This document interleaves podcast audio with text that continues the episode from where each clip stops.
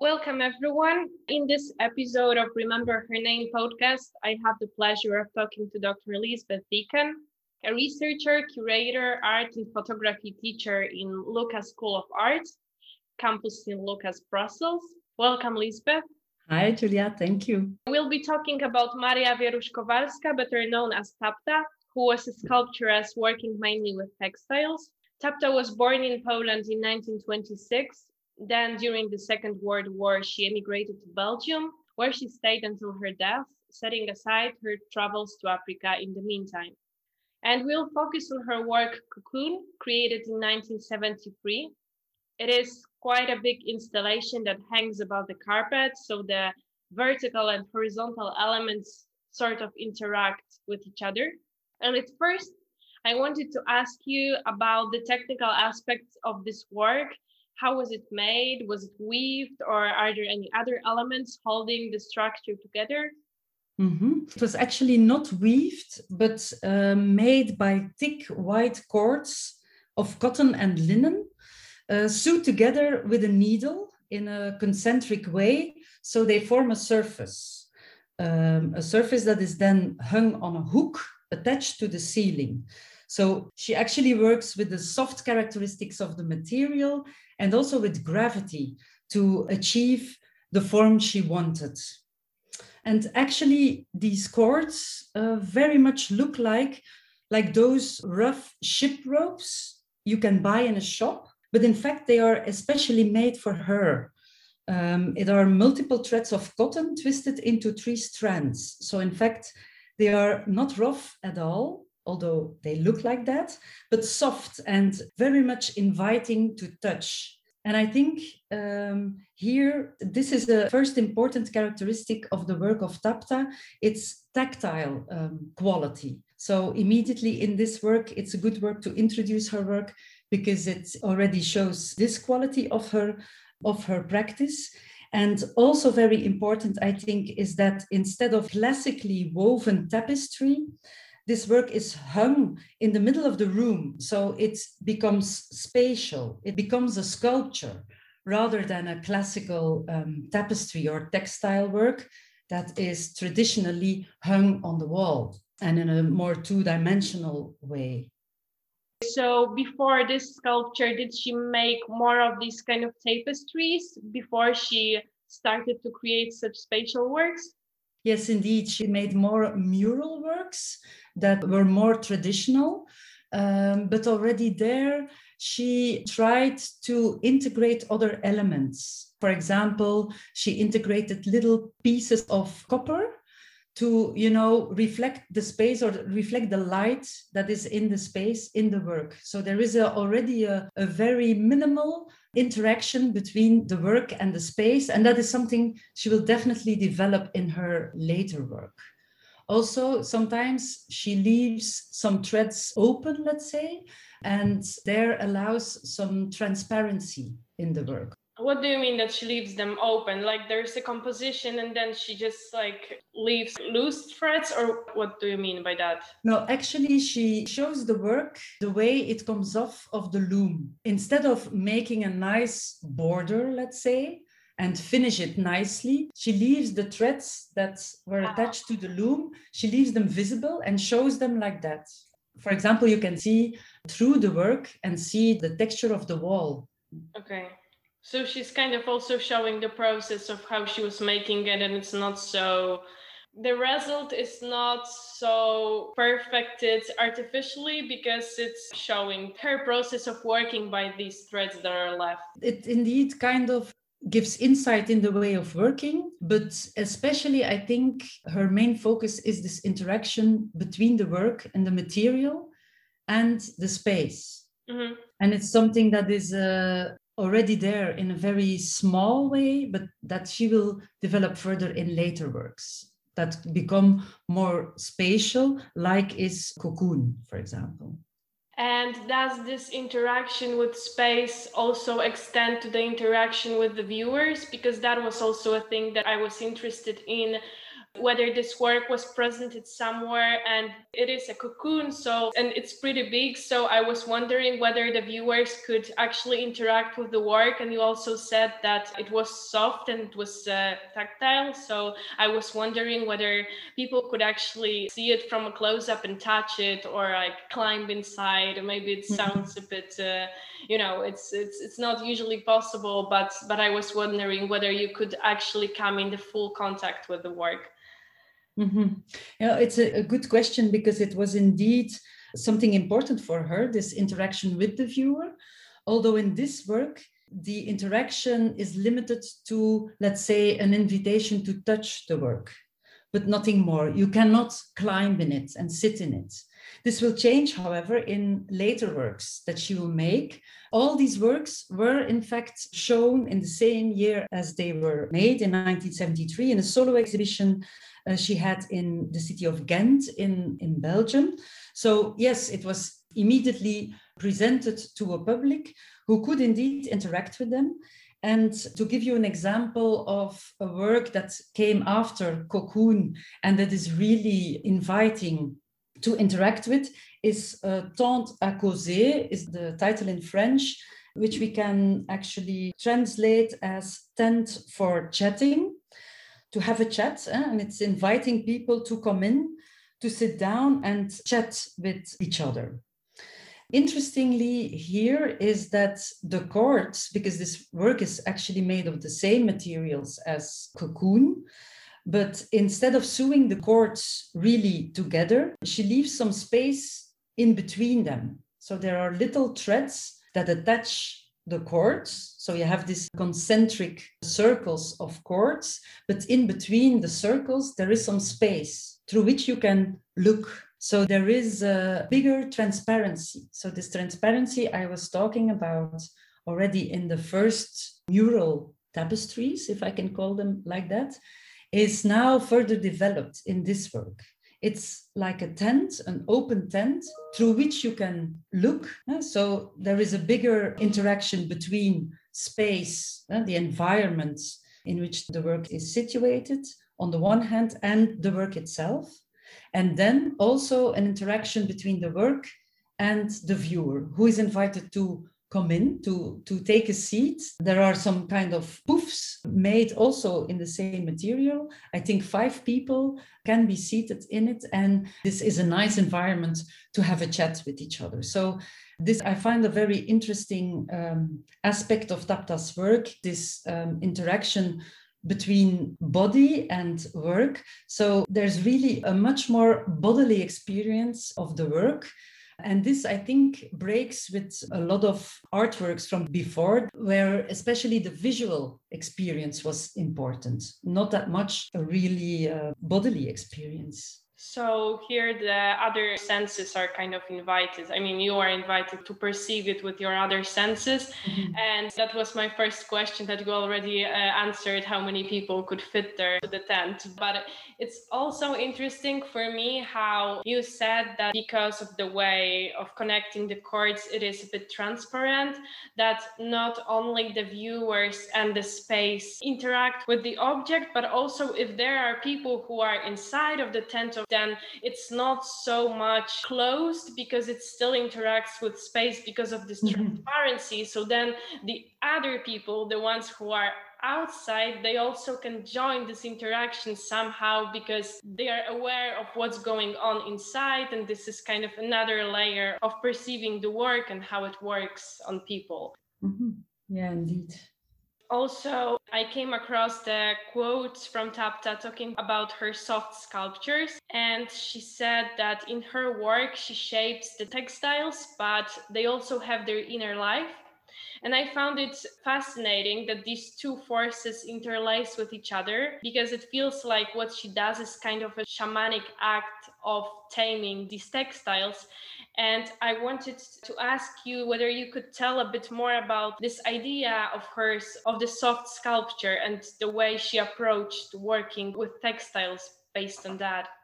Mm-hmm. Yes, what is indeed very important is that she noticed and acknowledged very well that the textiles themselves have their inner life and that um, the material has very specific characteristics and she actually starts from these characteristics of the medium of the material to make the work and not like in traditional tapestry, let's say, from carton, a model that needs to be precisely reproduced, you see.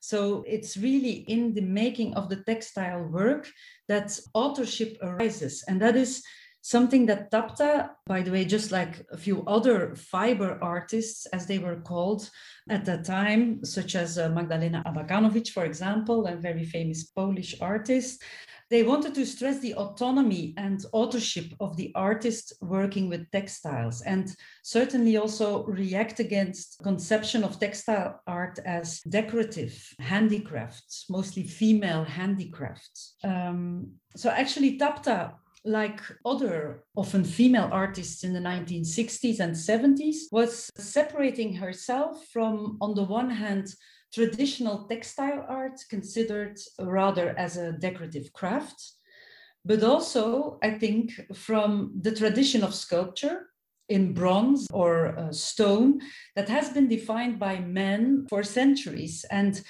they were finding new ways, doing new things that didn't have the weight of history. And I think we need to see these soft sculptures also in this perspective. So, what is also new is something we have already stressed, but is this focus on a more bodily experience of the work rather than purely visual one? yeah it feels like this softness is also more inviting to touch it and to interact with it so in the 1970s she created these soft sculptures. And then i also wanted to ask you about the period in her artistic practice that came later when in the mid 1980s she began to work with synthetic materials and she comments the so-called flexible period in her artistic work. And i wanted to ask how did her approach towards the material she made her works from changed? And what was the effect of that in her practice? Yes indeed. In the mid 1980s she actually left the textile medium and started to use neoprene uh, which is a kind of synthetic rubber, which she found more powerful than the textiles. She was also fond of industrial architecture, apparently, and found her inspiration there to use this rather industrial material of neoprene that has also some soft, flexible characteristics. So she keeps the softness and the flexible material or materiality that was already there in the textile works, but now uses a more industrial material that is black, so quite harsh actually, but still soft, still flexible. So there's this duality maybe in the material, and also even more than in the textile works, the monumentality she works with. So she was really in search of powerful works, and she found this new material could help her in that. So she actually, when she um, started to use the neoprene, she actually continued to work on the same core elements, and that is monumentality, spatiality, the interaction between the work and the space, and the interaction between the work and the viewer. So she developed that further in bigger and bigger installations that were supposed to stand inside a space. Then she used the neoprene. And then eventually she made also very monumental works that were situated in public space. And then she often used metal instead of neoprene because of weather conditions. It's uh, better to use the metal. So it seems like her aims in sculpture were kind of the same throughout the whole of her career. And these were, like you said, these uh, interaction with space and monumentality. And it's interesting that she actually stick to the same effects that she wanted to achieve. It's just that they were either stronger or weaker throughout her careers. So she still had the same priorities, but like they came with different strengths, I would say. Yes, indeed, indeed. Yeah, I think there's a kind of evolution also um, that in the textile works and also the neoprenes, but more in the textiles, there's this element of touch Mm-hmm. That uh, we're, we're like we, we want to touch the works when you see them. They have this very physical attraction uh, to, to touch it. In the neoprenes, it's colder. It's a colder material, more smooth.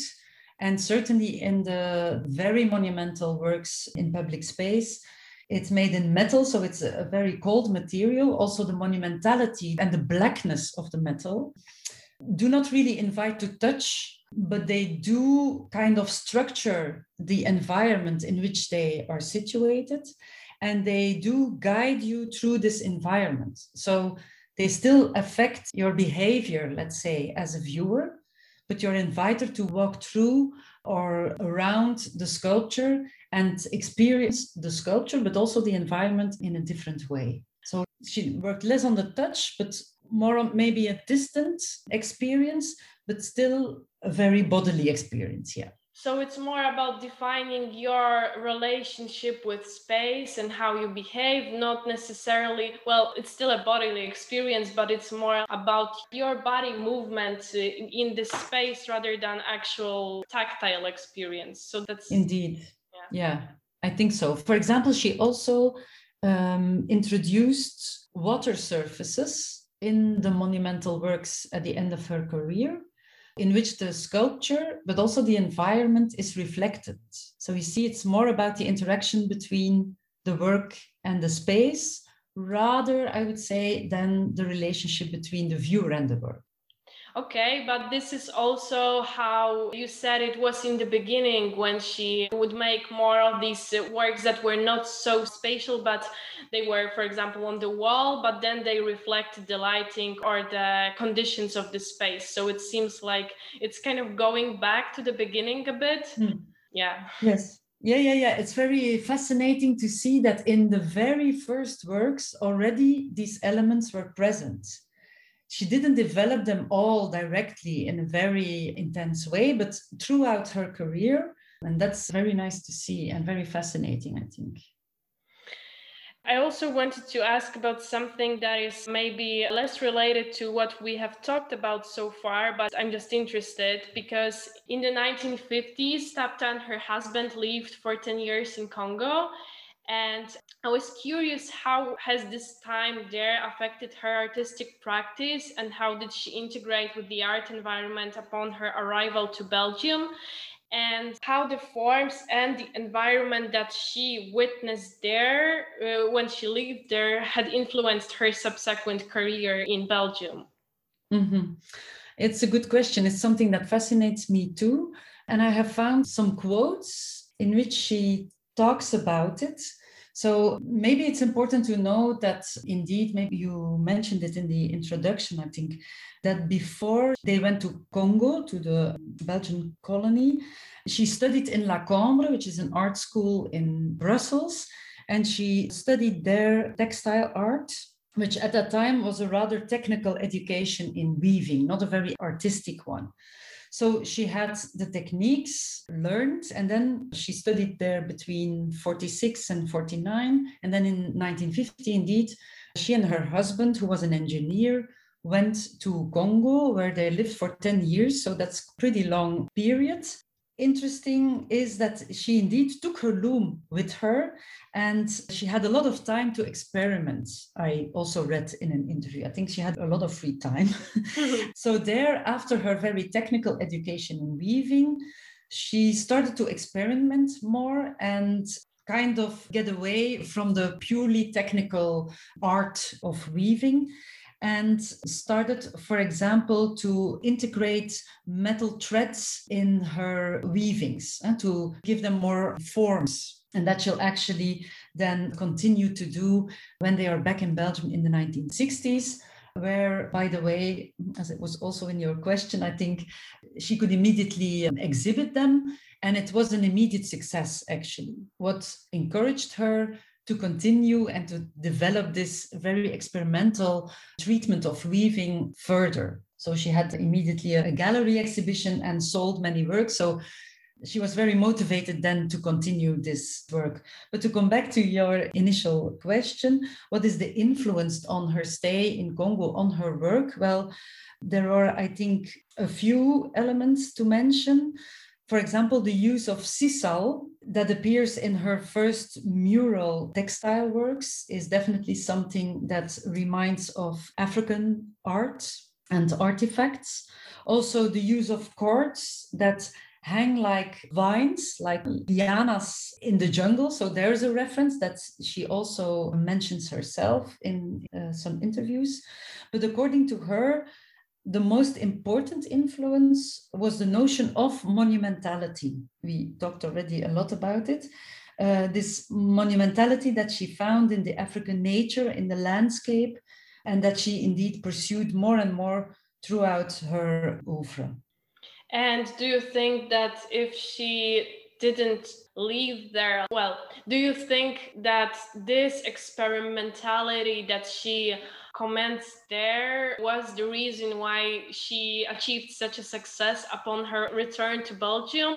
Well, I know it's difficult to say because we can only guess, but do you think these inspirations with African art were the kind of feature of her art that made the Belgium artistic environment more interested in her work, or was it more like this? Um, experimentation with materials that she could do no matter where she was. Mm-hmm. Well, it's difficult to say, of course. Yeah. And I think uh, a stay of uh, a decade in another continent um, is definitely influencing one. So it's difficult to say, yeah? but I strongly believe that indeed this factor of monumentality is very important and is something that is of major importance in her oeuvre. So I think it might have been that her work would be different if she wouldn't have been to Congo. On the other hand, there was a kind of momentum of this fiber art, you know. So she was experimenting with these textile materials, was kind of frustrated by the way it was treated in the art school where she went. And she really wanted to get away from this handicraft use of the medium that was also reserved for women and she wanted to get out of that and that was i think a very independent movement by hers it was only she testifies in another interview in 1969 when she was invited to participate in the biennial of tapestry in lausanne that she encountered, for example, the work of Magdalena Abakanowicz, and that she saw that specifically in Eastern Europe, there were many artists, often female artists, working the way she was working. So, also there in these other works, we see this monumentality and very spatial treatment of textile art.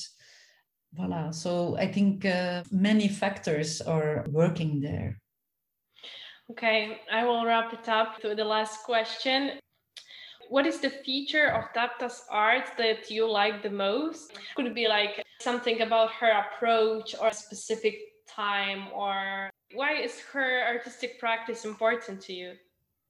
Well, I definitely think for me, this interaction with the viewer and this other way of experiencing a work of art you know we are so educated that when we enter a museum you cannot possibly touch an artwork or step on it. So, art, modernist art, let's say, is quite distant in experience. So, what I found very nice characteristic of her work is this inviting to participate in the work, to interact with the materials and also with other viewers. So, this idea that art can bring people together that can also uh, engage in social interactions, I think is a beautiful aspect of her work. Like this uh, connection between different elements, like the viewer and the space and the object itself, and the way they interact with each other. Yes, indeed. So, thank you very much for this talk about Tapta. I feel like um, I got to know a lot that can't be maybe found that easy because I feel like she's not as recognized as she should be based on how interesting her works are, at least here. So I'm very grateful for that. Thank you very much. It was Thank a pleasure.